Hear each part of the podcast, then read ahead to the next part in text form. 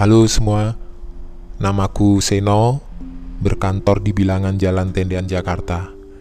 Peristiwa yang akan aku ceritakan ini terjadi sekitar tahun 2018 yang lalu, di satu malam pada hari kerja. Val, aku sholat dulu ya. Kamu belum mau balik kan?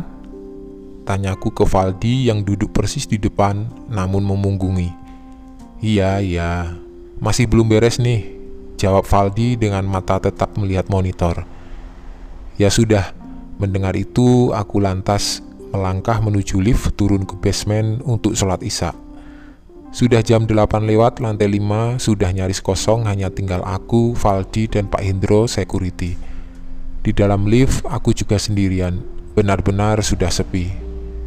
Kantorku ya begini, jam 6 sore hampir seluruh karyawan sudah pulang kecuali yang memang masih ada pekerjaan yang harus diselesaikan, seperti aku dan Valdi kali ini. Lantai lainnya juga begitu, sudah sepi semua. Aku tahu karena lift yang aku tumpangi langsung meluncur turun ke basement tanpa berhenti. Sesampainya di bawah aku langsung menuju ke musola berwudu lalu sholat isya. Sama juga, musola juga sudah sepi, sama sekali tidak ada orang. Setelah selesai sholat, aku merebahkan tubuh sebentar, meluruskan tulang punggung, dan melemaskan otot yang kaku karena seharian bekerja. Tidak lama, mungkin hanya setengah jam saja di musola. Sedikit lagi jam 9, aku lalu bergegas kembali ke meja untuk menyelesaikan pekerjaan. Sama situasinya seperti turun tadi. Ketika naik pun suasananya sangat sepi, tambah semakin sepi malahan. Gerakan lift ke atas menimbulkan suara yang bila siang hari tidak akan kedengaran. Tanpa hambatan, aku langsung sampai di lantai 5. Keluar dari lift, aku berpapasan dengan Pak Hendro. Mas Seno, gantian saya sholat dulu sebentar ya, begitu katanya. Iya pak, silahkan, jawabku. Kemudian aku masuk ke ruangan. Ruanganku ini cukup besar dan lapang, ruang kerja untuk sekitar 30 orang. Ruang besar yang bentuknya memanjang dipenuhi oleh meja-meja kerja dan komputer. Ketika aku sudah di dalam, sebagian lampu sudah mati. Hanya dua atau tiga lampu yang masih menyala. Ruangan menjadi redup. Aku juga melihat Valdi masih duduk di kursinya, tapi dalam posisi menunduk. Kami berdua duduk di paling pojok ruangan. Mejaku berjarak dua meja di belakang Valdi. Mejaku juga tepat berada di depan ruang meeting, ruangan berdinding kaca. Dengan begitu aku bisa melihat ke dalam dengan leluasa. Walaupun sudah gelap tapi aku masih bisa melihat ke dalam ruang meeting dengan bantuan sedikit cahaya dari luar dan juga pintunya terbuka pula. Belum beres, Val. Tanyaku ketika sedang persis lewat di samping meja Valdi yang sedang menundukkan kepala di atas kedua belah tangannya di atas meja. Valdi tidak menjawab. Ah, sepertinya dia lagi istirahat sebentar, begitu pikirku dalam hati. Aku lalu duduk dan kembali melanjutkan pekerjaan, tidak berani menegur Valdi lagi. Karena sepertinya dia kecapean sampai tertidur di mejanya. Setelah itu aku benar-benar larut, konsentrasi dan fokus menyelesaikan laporan yang harus diserahkan besok pagi. Kemudian sekitar jam setengah sepuluh, konsentrasiku pecah ketika tiba-tiba terdengar suara pintu lift terbuka. Tidak lama muncul Pak Hendro di pintu ujung ruangan. Aman Mas Ino? Ah, Pak Hendro, kirain siapa Pak? Aman Pak, aman, jawabku. Mas, saya ke pos bawah dulu sebentar ya, nanti balik lagi, ucapnya. Oke Pak, kami sebentar lagi pulang kok, jawabku lagi. Percakapan selesai, lalu Pak Hendro masuk lift dan turun menuju basement. Kembali aku dan Valdi sendirian di lantai ini.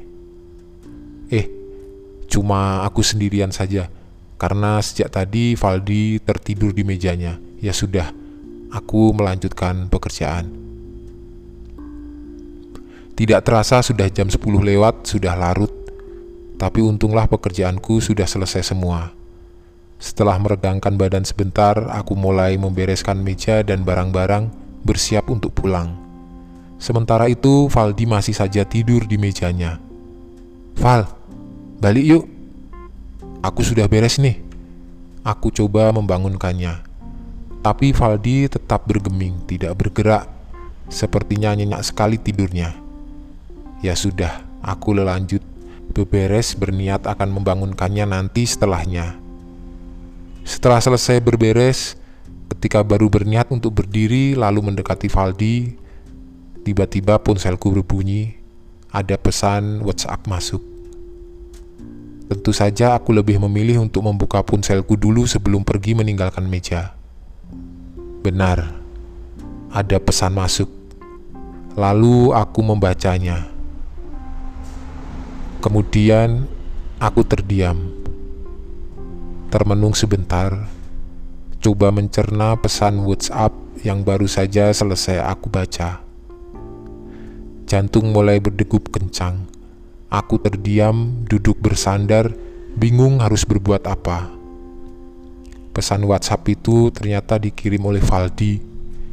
Isi pesannya adalah, Bro, kamu masih di kantor kan? Komputerku sudah mati belum sih? Tadi aku buru-buru banget pulangnya, sampai lupa sudah matiin komputer apa belum. Kalau masih hidup, tolong matiin ya. Hehehe. Begitu isinya. Sambil tangan gemetaran, aku lantas menjawab pesan WhatsApp itu. Komputer kamu, monitornya sudah mati sih, Val. Emang kamu cabut kapan? Kok aku tidak tahu? Tanyaku. Aku balik pas kamu sholat tadi.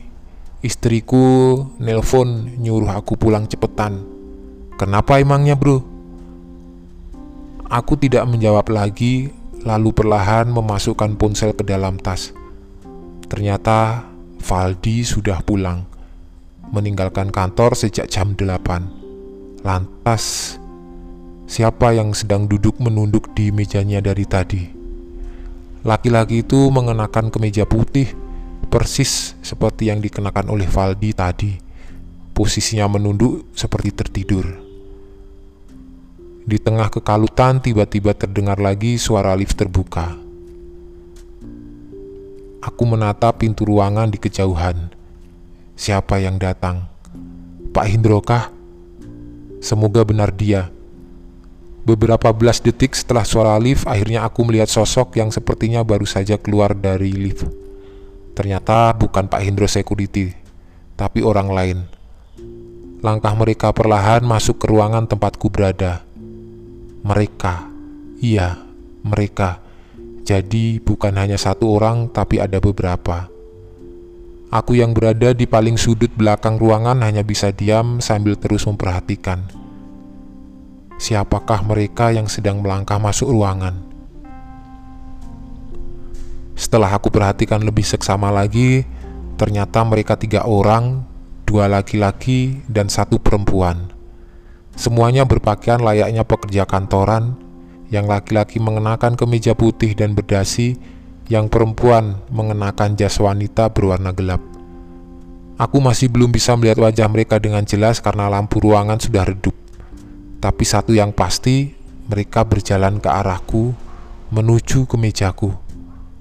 Langkah mereka sangat pelan, berjalan terus mendekat. Aku sama sekali tidak bisa berbuat apa-apa karena kalaupun mau melarikan diri keluar ruangan, aku harus melewati mereka. Harus berpapasan dengan sosok-sosok misterius itu. Sosok yang aku sangat yakin kalau bukan manusia. Benar, ketika sudah mendekat dan makin mendekat lagi, akhirnya aku dapat melihat wajah mereka satu persatu Laki-laki yang berjalan paling depan terlihat berumur sekitar 50 tahun, berkumis dengan rambut nyaris tertutup uban seluruhnya. Laki-laki kedua lebih muda, lebih kurus, sedangkan yang perempuan rambut panjang berwarna gelap. Namun, aku melihat ada kesamaan di antara mereka bertiga. Mereka tersenyum di atas wajah pucatnya, wajah-wajah yang sama sekali aku tidak mengenalinya. Sangat mengerikan. Masih ingat Sosok laki-laki yang sejak tadi duduk menunduk di meja Valdi, Tiba-tiba dia bangun dari tidurnya, lalu berdiri. Ketika tiga sosok yang baru saja masuk ruangan sudah tepat berada di samping meja Valdi. Dan akhirnya mereka berempat sangat dekat dengan mejaku. Sangat dekat. Mereka diam sebentar di samping meja Valdi sebelum kemudian melanjutkan langkah menuju mejaku. Senyum masih terus mengembang di wajah, langkah pelan juga masih mereka lakukan. Aku ketakutan, jantung berdetak kencang, duduk bersandar di kursi tidak tahu harus berbuat apa ketika akhirnya mereka sudah benar-benar sudah berada di sampingku, di dekatku. Tapi untunglah, ternyata mereka tidak berhenti, tapi terus melangkah ke belakang menuju ruang meeting. Aku terus memperhatikan sampai akhirnya mereka masuk ruang meeting yang sudah dalam keadaan gelap. Beberapa detik kemudian aku baru tersadar kalau inilah saat yang tepat untuk pergi meninggalkan ruangan. Sontak aku meraih tas, lalu pulang bergegas, melangkahkan kaki, meninggalkan meja menuju pintu keluar. Belum juga sampai pintu, tapi rasa penasaran masih memenuhi isi kepala. Dan aku menoleh ke belakang, ke ruang meeting. Ternyata ruang meeting kosong, sosok-sosok hantu itu tidak kelihatan sama sekali. Semakin cepat aku melangkah keluar ruangan menuju lift, turun ke lantai dasar. Di basement aku bertemu dengan Pak Hendro. Iya mas, Valdi kan sudah pulang tadi Mas Eno turun sholat. Makanya saya bingung, kok tumben-tumbenan Mas Eno mau kerja sendirian sampai malam. Begitu kata Pak Hendro ketika aku menanyakan tentang Valdi. Setelah kejadian itu, aku tidak pernah mau lagi lembur sampai larut malam sendirian.